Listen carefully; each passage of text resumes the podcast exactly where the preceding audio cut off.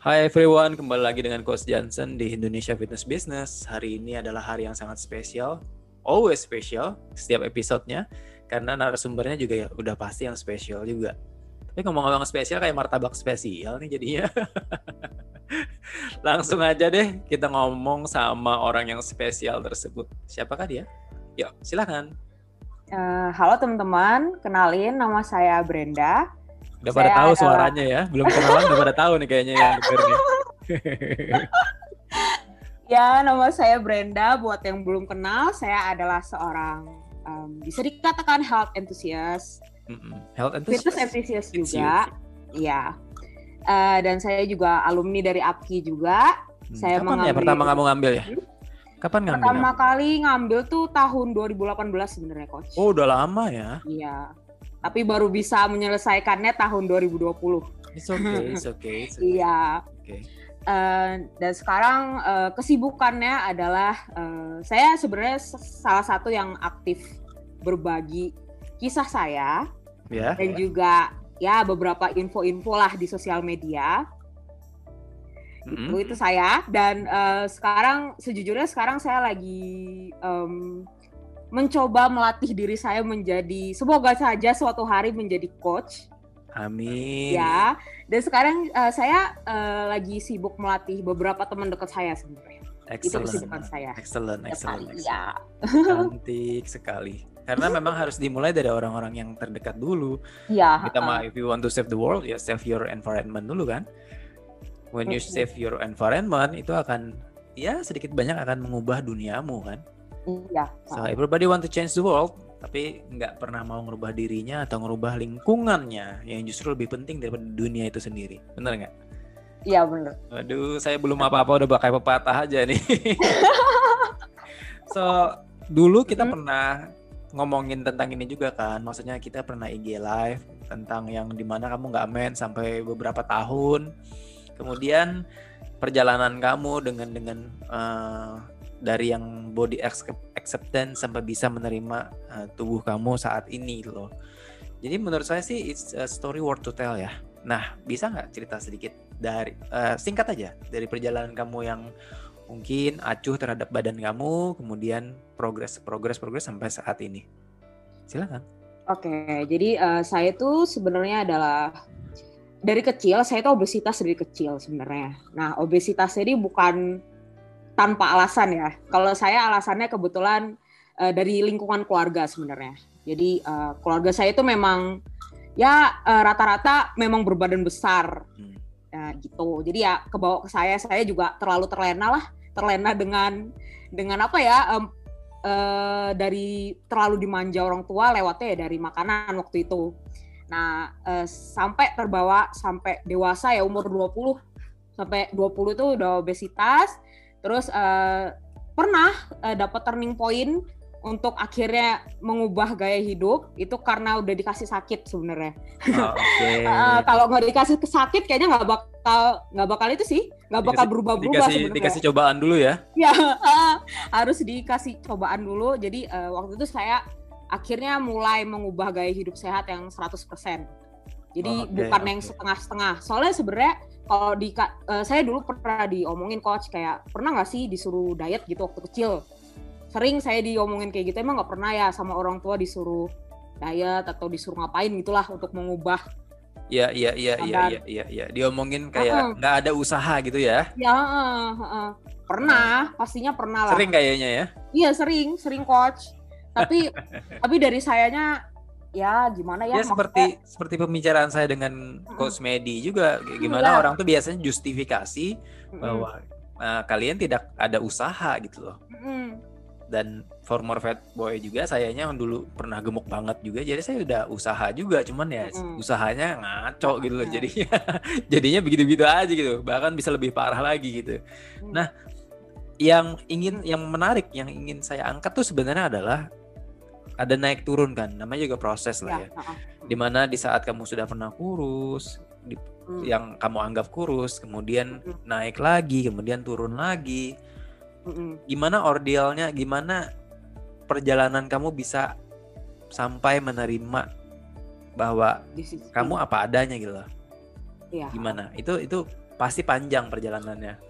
Apa aja hmm. kesulitan-kesulitan yang kamu uh, pernah alami di saat bisa menerima diri sendiri? Oke, jadi kan waktu itu kan saya memang uh, jadi buat yang belum pernah waktu itu belum pernah ngikutin IG live saya sama Coach Johnson. Jadi uh, saya dulu itu pengen sih uh, maksudnya uh, yang paling pengen saya selamatin itu adalah kesehatan sebenarnya kesehatan fisik saya mm-hmm. jadi saya nggak mikir buat turun berat badannya sih sebenarnya waktu itu mm-hmm. Jadi untuk menjadi kurus itu di luar ekspekta- ekspektasi saya sebenarnya.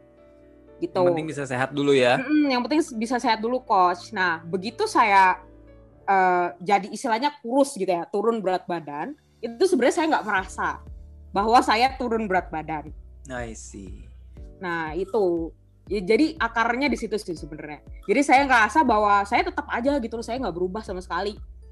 Nah, baru ketika ada komentar-komentar dari orang lain yang udah apa jarang melihat saya um, dengan ya dengan kata-kata pujian-pujian itu, saya baru menyadari bahwa oh ternyata saya berubah gitu. Jadi sebenarnya pas dulu saya pernah di momen yang sebenarnya bisa dikatakan udah mulai mendekati lah tubuhnya itu normal lah normal ideal itu saya nggak merasa sebenarnya coach hmm, hmm, hmm. hampir mendekati ideal normal Jadi saya menurut, merasa. menurut society kali ya ya nah, okay. society dan society ya standard. itu kalkulator lah iya, kalkulator ya ya ya ya ya itu coach saya nggak ngerasa sebenarnya jadi kamu gitu. cuma jalanin tujuannya mau sehat aja saat itu ya hmm, mau sehat hmm, jadi buat okay. fisik saya nggak pernah nggak pernah terlintas di pikiran saya. Oke, okay, nah, and what do you think tentang toxic hmm. positivity yang ya saya embrace your ini apa namanya mm-hmm. your, your own body dan kawan-kawan mm. yang banyak sekali kita lihat malah kebablasan gitu kamu ya. pernah ngalamin itu nggak? Oh pernah dan sekarang saya lagi mengalami coach. Sedang mengalami? Ya lagi mengalami. Coba. Oke okay. jadi kan uh, uh, saya pernah obesitas habis itu turun kan turun ya sempat kena ya disorder eating disorder eating itu pernah sempat seperti kena uh, saya sampai takut makan coach saya itu. Hmm, Oke. Okay. Makan dan saya terlalu takut lah. Jadi hidup saya itu tiap hari ya tentang tentang olahraga, maksudnya ya berkutat di situ coach. Olahraga, diet, makanan. olahraga, diet, ya, olahraga, olahraga, diet, diet, olahraga, diet gitu doang. Itu saya bertahan dua tahun lah kayak gitu. Dua tahun tiga tahun kayak gitu. Did you enjoy it? Enggak lah kalau bisa dibilang. Tapi waktu itu kalau ditanya uh, ditanya gini loh, makanan saya itu kan beda coach sama keluarga saya yang lain. Jadi sama kakak saya aja udah beda gitu loh. Kakak saya aja ngomong, "Ini ini lu lu yakin lu makanan lu doyan nih kayak gini?" Doyan, suka. Padahal aslinya nggak ada rasa, coach. Beda as in plain gitu ya? Hmm, hmm, hmm. Oke, oke, oke, oke. Rebus, Tapi bagi rebus. saya, uh, uh, bagi saya waktu itu oke-oke aja. Mungkin ya karena terlanjur ya, coach. Jadi kayak orang nggak nyadar gitu loh Hmm, I see. Uh, gitu itu saya. Tadi kamu bilang kamu ngalamin toxic hmm. positivity. Gimana nah, tuh maksudnya? Nah, toxic positivity saya itu sebenarnya ada dua. saya ngalamin dua kali di kehidupan saya sebenarnya. Yang pertama pas ketika saya obesitas itu dari kecil sampai besar saya hidup di lingkungan yang zona nyaman lah istilahnya. Ya. Zona nyaman sampai nggak ada yang apa ya? Uh, sampai saya kebablasan, kan? Nah, kan memang itu, ada istilah itu. You hmm. are five people surrounded by by ya itu yang yang you're surrounded by five people dan kamu akan menjadi yang lima orang itu ya benar kan ada ya. kan istilah itu jadi menurut saya sih memang uh, lingkungan kamu yang membentuk kamu yang jadi jadi ya, ya. bertubuh besar gitu loh mm-hmm. nah yang kedua nah yang kedua sekarang ada toxic positivity positivity ya karena saya sendiri sebenarnya karena hmm? saya kan uh, lagi proses kayak recover gitu loh coach hmm? dari zaman dari zaman saya istilahnya lowest ya lowest weight saya pengen udah kayak udahlah gue capek gitu loh hidup kayak gini terus. Jadi saya recover recover recover recover itu saya udah nggak terlalu mikirin tentang diet gitu loh coach. Diet atau olahraga itu saya saya itu selama tahun 2019 dan 2020 saya hampir bisa dibilang tuh olahraga itu paling bisa hitungan jari coach Hmm, I see. Padahal saya dari tahun 2015 sampai 2000 awal 2019 saya itu bisa dikatakan olahraga hampir tiap hari sebenarnya. Nah, itu setelah... yang terjadi kalau memang kamu pernah melakukan sesuatu yang eksesif ya. Baik itu ya. menjaga pola makan, baik itu berolahraga, nanti lama-lama ada titik jenuh Mm-mm. yang membuat kamu aduh bener-bener males banget mau olahraga maupun jaga makan nah kasarnya kan iya itu yang kamu alamin Mm-mm, ini yang saya alami hmm I see nah sekarang, sekarang. gimana gimana uh, Amin ada nggak upaya-upaya kamu untuk ya berjuang mengatasi hal tersebut Mm-mm. Gimana? Jadi ya akhirnya uh, buat yang nggak tahu saya sempat pernah nggak uh, nonaktifin sosial media saya mm. tahun lalu. Yeah. Tahun lalu itu karena saya bagian Berapa lama dari itu? Berapa saya, lama? Uh, uh, 8 bulan. Mm, Oke. Okay. 8 bulan. Itu karena saya lagi karena gini loh, saya kan terlanjur terjun di sosial media itu dianggap orang sebagai motivator kan coach. Motivator, pokoknya orang-orang yang menginspirasi lah. Sedangkan saya itu nggak bisa saya bukan sosok itu lagi gitu loh. Jadi apalagi yang harus saya bagikan saat itu. Jadi akhirnya saya men, saya memutuskan untuk ya itu deactivate. Step out ya. Mm -mm. karena saya merasa saya bukan uh, saya bukan saya yang dulu jadi untuk apa saya di situ gitu What brings you back apa yang membuat kamu balik entah kenapa saya kayak saya awalnya pengen balik lagi ketika saya udah kurus coach. ketika oh, okay. saya udah berubah, ketika saya udah berubah lagi, saya pengen balik lagi ke situ. Sebenarnya ke Instagram ya. Yeah. Tapi saat itu saya ngerasa, ibu apa gitu loh. Saya lama-lama, apalagi waktu itu uh, saya inget banget saya baliknya itu bulan Juni, lagi pandemi juga kan. Jadi yeah. saya tuh dasarnya orangnya orang itu udah nggak ada temen maksudnya teman saya kan banyak sibuk gitu coach yeah. sibuk dengan ya kesibukan masing-masing dan selama tiga yes, yes. tahun belakangan ini teman-teman saya ya teman-teman yang di Instagram itu kan okay. jadi saya apa ya kangen aja gitu loh kangen istilahnya kayak ada orang yang uh, merasakan akan kehadiran saya tuh jadi kangen gitu loh coach jadi ya, akhirnya memang saya, manusia itu adalah hmm. makhluk sosial gitu we hmm. cannot deny it I mean hmm se-introvert introvertnya seseorang, how you recharge your energy ya, you need another people. Yes. Itu yang mesti kita sadarin juga nih buat para pendengar juga. Jadi si introvert introvertnya kita bukan berarti kita trying to push everybody away gitu. Hmm. Karena mungkin yang membuat kita menjadi sendirian because we push people around gitu. Perhaps that what happened. Karena saya pernah baca tentang psikologi juga bahwa ternyata kamu sudah siap punya teman atau uh, karena ketakutan disakitin itu satu. Ketakutan kayak uh, orang lain nggak akan mengerti kita itu dua. Pada dasarnya memang bukan tugasnya mereka untuk mengerti kita itu tapi yang paling penting itu adalah we don't push people away karena kita ngerasa we don't deserve happiness. Ya. Bener kan? Itu yang kamu alamin kan? Ya benar because saya pernah ngalamin itu juga oh iya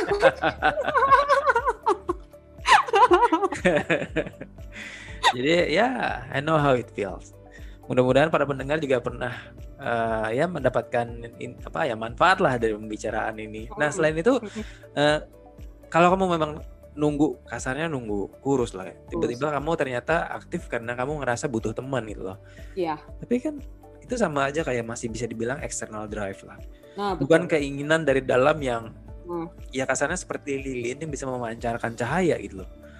Because if you keep shining on on other candle gitu loh tanpa memperhatikan lilin kamu juga burn out gitu habis lilin ya. itu pernah uh -uh. kepikir gitu nggak pernah coach nah jadi gimana ngatasinnya Versi jadi ngatasinnya adalah uh, sekarang saya lebih mikir untuk saya sendiri gitu loh coach. Jadi kayak hmm. kembali lagi ke lima tahun yang lalu eh ke empat tahun yang lalu saya mulai aktif Instagram. Awalnya saya cuma buat dokumentasi diri sendiri. Itu saya. Jadi saya nggak kepikiran buat kayak uh, ada orang yang lihat loh ternyata. Ada orang yang ternyata merasa appreciate. Uh, uh, uh, saya nggak saya sama sekali zero expectation gitu lah coach. Jadi akhirnya saya pengen balik lagi ke diri saya yang dulu sebenarnya saya buat dokumentasi diri sendiri aja. Kalau ada orang yang merasa ternyata uh, it helpful it helpful for them good for them gitu. Saya malah bersyukur itu saya yang dulu sebenarnya. Sebelum feel setelah mulai, balik setelah kamu balik di, sampai saat ini apa yang kamu rasakan? Senang. Senang, ya? jadi kayak balik lagi oh ternyata temen-temennya masih banyak masih masih ada gitu loh. Yang bahkan yang ya? hmm, bahkan yang ngefollow saya itu sebenarnya yang dari tahun-tahun tahun-tahun dulu itu kok yeah, yang lama-lama ya. Yang lama-lama dan itu bagi saya meaningful lebih meaningful malah. Jadi ternyata oh mereka mereka ternyata menerima saya apa adanya. Jadi bukan nice. seperti yang seperti apa yang saya pikir. Kalau ternyata mereka itu cuma pengen apa ya uh, pengen saya yang istilahnya sosok yang memotivasi itu loh coach. Sampai ada yang bilang ada yang bilang Brenda kamu nggak usah ngepost tentang fitness doang nggak apa-apa gitu maksudnya kamu ngepost apa pun aja nggak apa-apa gitu loh jadi kayak oh ternyata gitu jadi selama ini ternyata emang cuma ketakutan saya doang ternyata I'm so happy for you. Bagus lah, memang itu yang paling yang dicarikan sebenarnya. Ya itulah hmm. bagaimana kita menanggapi sosial media itu. Itu itu yang hmm. penting kan ya. Apalagi hmm. ya sosial ya sosial media sosial media gitu loh. Tapi bagaimanapun juga sebenarnya ya saya pernah punya saya pernah sharing kok gambar yang di mana ada dua orang yang satu bisa melihat ke mana ke satu sisi yang di dalam satu kereta. Sisi kiri itu adalah bebatuan atau pegunungan yang nggak ada gambar apa-apa. Satu satu kereta ya. Yang sebelahnya dia ngelihat pemandangan yang indah. Pemandangan yang yang artinya hidup itu kan satu kereta itu. Yeah. Kita bisa lihat yang sebelah kiri yang nggak ada pemandangannya dan melihat bahwa hidup itu penuh dengan misteri, dengan negativity, penuh dengan dengan kesedihan lah. Atau kita bisa melihat hal-hal baik yang di sebelah kanan gitu. Jadi sebenarnya uh, your vibe attract your tribe itu benar banget gitu di saat kita rasanya kasarnya down di saat kita kayak gimana ya nggak settle dengan diri kita maka yang muncul juga yang nggak settle nggak settle juga gitu loh. Iya, uh, bener, Tapi once kita settle orang-orang yang mendekat juga oh ya ada yang positif tuh muncul juga gitu loh. Mm -mm. Nah sekarang misi kamu tuh apa Brenda? Misinya uh, lebih apa ya? Untuk empower sih. Mm -hmm. lebih tetap kayak empower yang pernah mengalami kayak saya gitu loh Okay. Sebenarnya gini kok, saya pengen cerita dikit ya. Ya. Sekarang kan uh, kebetulan kita tuh kayak di lingkungan uh, di lingkungan yang lagi apa ya? Istilahnya lagi mengagungkan tentang strong over skinny coach. Oke. Okay. Ya. Jadi bagi saya yang sekarang lagi toxic positivity lagi karena lagi proses recover kan dari uh, dari uh, saya overweight lagi dan saya pengen udah udah kena maksudnya saya udah um, health problem lagi lah coach jadi ngingetin kayak bumerang bagi saya sebenarnya. saya lakukan itu. Nah sekarang kan saya lagi pengen kayak proses fat loss kan coach. Nah bagi saya itu sebenarnya hal yang apalagi di lingkungan kayak gini sekarang itu kayak uh, takut coach sebenarnya. Malu sih sebenarnya. Takut apa? Tak, kan saya itu orang paling yang takut dijudge duluan coach. Mm-hmm. saya itu takut dijudge duluan. Jadi kayak di di kerumunan orang-orang yang lagi pengen build muscle, saya fat loss sendiri gitu loh coach. Oke. Okay. Jadi Oh, I see your point. Hmm, jadi kayak aduh maksudnya kayak gimana gitu loh coach. Tapi saya inget inget ilustrasi yang coach Johnson buat di yang CFT. Mana? CFT yang kalau ada pengen misalnya dari apa sih tentang Oh iya iya body recomposition. Uh, ya uh, jadi saya mikir oh ya udahlah maksudnya ini badan-badan kita gitu loh. Jadi kita yang menentukan kita pengen yang mana nih? Weight loss duluan baru uh, baru apa? Baru bulky baru baru build muscle atau langsung langsung apa namanya? Kayak build muscle tapi jadinya kayak now you understand. iya uh, dari grafik gitu. itu sebenarnya gini saya selalu bilang sama orang boleh bilang strong over skinny dan kawan-kawan tapi buat kita yang pernah mengalami obesitas, buat kita yang pernah dicela, dihina lah kasarnya, dibully hmm. karena memiliki berat badan yang berlebih, hmm. kurus itu juga jadi mimpi besar kita iya, gitu. Iya, benar-benar. Jadi kalau misalnya kita udah lu tambah kuat aja, fokus tambah kuat aja gitu. Iya. Itu kayak saya kepengen makan nasi goreng, ya. dikasihnya mie goreng, walaupun mie goreng lebih enak gitu loh. Hmm. Tapi makanya sebagai coach itu yang paling yang paling bahaya itu adalah saat kita nge-push agenda kita. You know muscle is very important bukan? Mm-hmm. Jadi menurut kamu gimana tuh? Maksudnya di saat orang mengejar apa strong over skinny, strong over skinny. how do you feel? Uh, pertama saya ngerasa kayak mm, terintimidasi lah awalnya. Jadi kayak aduh kayaknya gue nggak banget deh. Maksudnya kayak nggak banget gitu loh. Orang-orang lagi ngejer naikin kalori setinggi tingginya sedangkan gue defisit. Jauh mikirnya gitu kan. Saya mikirnya kayak gitu kok jadi kayak aduh nggak banget deh. Tapi lama-lama mikir ya udahlah. Uh, saya akhirnya mikir uh, saya settle ke diri saya diri sendiri dulu coach. Jadi kayak ya udahlah maksudnya this is my life this is my body. Ini yang apa yang saya alami jadi nggak usah ngebanding bandingin I don't think that's toxic positivity hmm. loh Iya. Itu bukan toxic positivity, tapi you have a fundamental atau punya prinsip gitu loh. Dan hmm. kamu tahu sekarang apa yang kamu butuhkan gitu loh. Hmm. Maksud saya, ya yes, muscle is very important. Tapi saya juga nggak pernah bilang kayak, ya udahlah build muscle aja terus, build muscle. That's impossible. I mean, hmm. mimpi orang boleh beda-beda gitu. Hmm. Ya kan? Jadi ya bebas-bebas aja. Iya. Yuk, ada? Ada yang mau diinin lagi? Ya udah jadinya jadi sekarang saya lebih stop stop membanding-bandingkan sih. Itu mm -hmm. kunci dari saya untuk bisa lebih apa ya, lebih relax. Nah, jadi kayak I have my freedom now after years.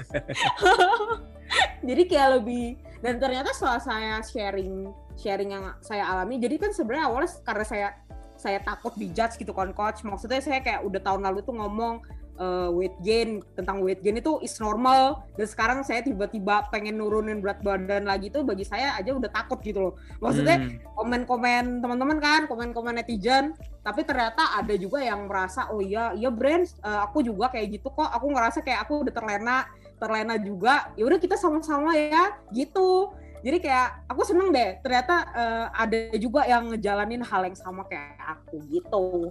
Dan ternyata ketika kita sharing malah ya itu attract our tribe ya coach. Jadinya kayak oh ya udahlah gitu.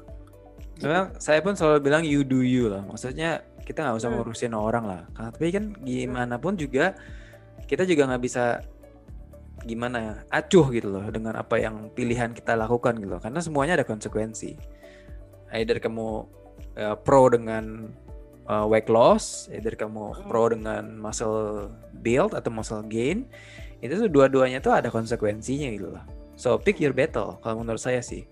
Hmm. Karena you cannot please everybody. right. right. Itu yang kamu mesti ingat juga sih. Dari ini jadi uh, saya yang sharing ini. Cuy, ya, ini pendengar jadi ya hari ini uh, artinya judulnya adalah ngebahas tentang saya jadi. ya well, you, cannot really please everybody loh. Whether itu naik, turun, berat badan atau apa pun yang kamu lakukan kan kita memang nggak bisa. Bukan tujuan kita untuk membahagiakan orang kan. Kita juga nggak bisa memberi kalau kita juga nggak punya apa-apa gitu loh. Jadi kalau menurut saya sih apa yang kamu lakukan udah di jalan yang benar ya. Jadi bukan bukan bukan toxic positivity loh Memang. Enggak, toxic positivity-nya gara-gara itu, coach. Gara-gara maksudnya kan saya terlalu terlena dengan yang saya katakan recovery. Iya. Itu coach. Kalau saya bilang downtime itu dibutuhkan loh. Hmm. Kalau kamu bilang kamu toxic positivity adalah artinya kamu benar-benar nggak mau do something kalaupun walaupun kamu tahu itu nggak sehat. But you're doing something kan? Finally, Finally, nah itu itu itu udah bukan toxic positivity. Toxic positivity itu adalah kamu very ignorant saat dibilang orang itu nggak di jalan situ tuh berbahaya gitu loh. Atau di situ tuh hmm. bukan jalan yang benar, tapi kamu kekeh terus karena kamu ngerasa gue udah bener gitu loh. Hmm. Kalau kamu realize bahwa kamu ada downtime-nya lebih lama atau kasarnya terbuai lah itu. Karena menurut saya semua orang tuh kan memiliki kecepatan untuk recovery maupun sukses yang berbeda-beda gitu loh. Ada orang yang membutuhkan ya mungkin 1-2 tahun setelah dia selesai misalnya menjalin hubungan, kemudian agak trauma dengan hubungannya gitu loh. Bahkan ada yang satu bulan udah punya pasangan lagi, ada yang satu tahun, ada yang lima tahun gitu loh. Jadi kecepatan recovery orang tuh kan beda-beda. Itu bukan toxic positivity sih. Jadi uh, saya juga pernah baca juga di buku juga dia bilang kalau misalnya kamu merasa loss atau downtime-nya lama, mungkin itu adalah waktu kamu untuk ya getting every everything ini lagi settle lagi loh, baru kamu bisa jalan lagi. Hmm. Tapi saya sempat sih coach, maksudnya pernah ikut, bukan ikut ya, kayak ngefollow akun-akun itu sebenarnya coach. Mm-hmm. Account-account yang mendukung kayak uh, apa ya, istilahnya itu kayak help for every size. Itu loh coach. Uh, uh, Oke. Okay. Uh, yeah, yeah, jadi yeah, bagi yeah, saya itu toxic positivity kan. Jadi kayak saya sampai lupa bahwa saya yang dulu gitu loh coach. Nah gitu. ya kalau itu bisa, kalau itu bisa, hmm. bisa dikonsider sebagai toxic positivity ya, karena kenapa? Jadinya kayak kamu nyari orang yang bisa kasarnya menerima kamu gitu loh. Iya. Hmm. Memang memang susah sih ya ngomongnya ya antara antara hmm. uh, toxic positivity sendiri hmm. sama acceptance gitu loh. Karena nah, tuh itu, tipis ya. banget tuh, maksudnya kita bisa kebablasan ya, ke, ke sisi yang bener. sini loh. Hmm. Jadi menurut saya sih ya namanya juga hidup ya perjalanan kan ya. Jadi yang yang yang semoga para pendengar juga bisa memahami bahwa uh, humans is very complex ya. Kita juga bukan berarti kita nggak tahu harus ngapain gitu loh. Tapi any possibilities itu mungkin gitu loh. Ini baik itu cara menolong orangnya atau untuk diri kita sendiri gitu loh. Karena menurut saya sih selama ini beberapa puluh menit ini yang saya terima adalah sometimes you can be very ini ya uh, mean to yourself kalau menurut saya sih. Iya, benar coach. Benar. benar banget ya. Benar. Ya itu wajar sih. Ya mean to yourself kayak kayak you don't I don't deserve to be happy and then I don't deserve this, I don't deserve, deserve that gitu. Mungkin mungkin itu yang mungkin mesti diadres gitu kali ya.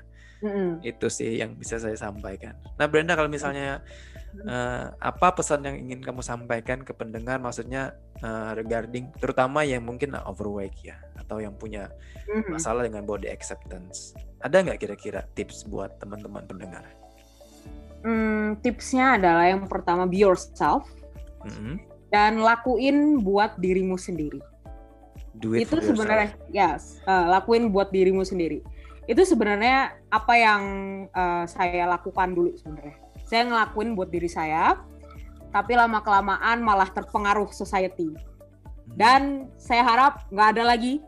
Maksudnya eh, jangan sampai ada orang-orang yang merasakan hal yang sama kayak saya. Soalnya ketika kita mulai apa ya mulai mengikuti society we will forget about ourselves. Hmm. and um, kehilangan diri sendiri itu lebih lebih menyedihkan daripada losing weight itself Iya, so don't be like me. kehilangan diri sendiri ya. Ya, uh-uh. I see. Gitu. That's very deep. That's very deep. Lebih baik jangan sampai kehilangan jati diri ya daripada kehilangan mm. berat badan ya. Iya, uh, uh, Yes, yes, yes, yes. Ya itulah uh, perjalanan untuk bisa menerima diri sendiri itu memang perjalanan yang panjang sekali sih. It's not an easy thing. I wish you luck. I mean, ya dari pembicaraannya juga saya banyak banget dapat uh, insight. Selalu selalu. Setiap kali berbicara dengan Brenda saya selalu dapat something yang apa ya wah saya nggak pernah terpikir tuh sampai situ. Wah gitu. Oh ternyata uh, masih banyak juga yang menganggap strong over skinny karena I'm one of those yang akan oh ya build muscle bisa tapi kadang-kadang saya juga menyadari itu juga berbahaya gitu. So it's very nice talk. Topiknya bagus banget saya pasti para uh, yakin para pendengar mendapatkan insight baru dengan mendengarkan curhatnya Brenda ini. Oke, okay, last question adalah apa yang ingin kamu lakukan ke depannya? Tadi oh. selain sebagai coach itu tadi, apa aja hmm. maksudnya any any uh, dreams or anything yang let's make this happen gitu lah. Oke, sekarang memang sekarang lagi mencoba meniti karir sambil sambil apa ya? Lagi lagi um, itu coach lagi belajar sih. Ngambil beberapa edukasi lah Asik. Iya. Keren, keren, keren. Ngambil beberapa edukasi. Terus stop learning, never stop learning. Jadi jangan pernah berhenti belajar. Itu bagus tuh. Mm-mm. Ya itulah, kamu juga berapa usia sekarang? Oleh, Usia berapa sekarang? 26. 26 masih muda. 26. Masih perlu banyak belajar ya.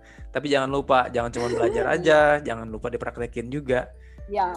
Ya. Praktekin bisa dengan sharing, bisa di, dipraktekin ke diri sendiri, ya. Oke, okay, Brenda, thank you for your time. Nah, itulah tadi Brenda, teman-teman pendengar. Semoga mendapatkan atau menjadi bahan renungan ya bahwa ya menerima diri sendiri itu memang nggak mudah, tapi possible gitu loh. Ya kan, it's difficult but it's not impossible. Oke, okay, thank you semuanya. Sampai jumpa di lain kesempatan.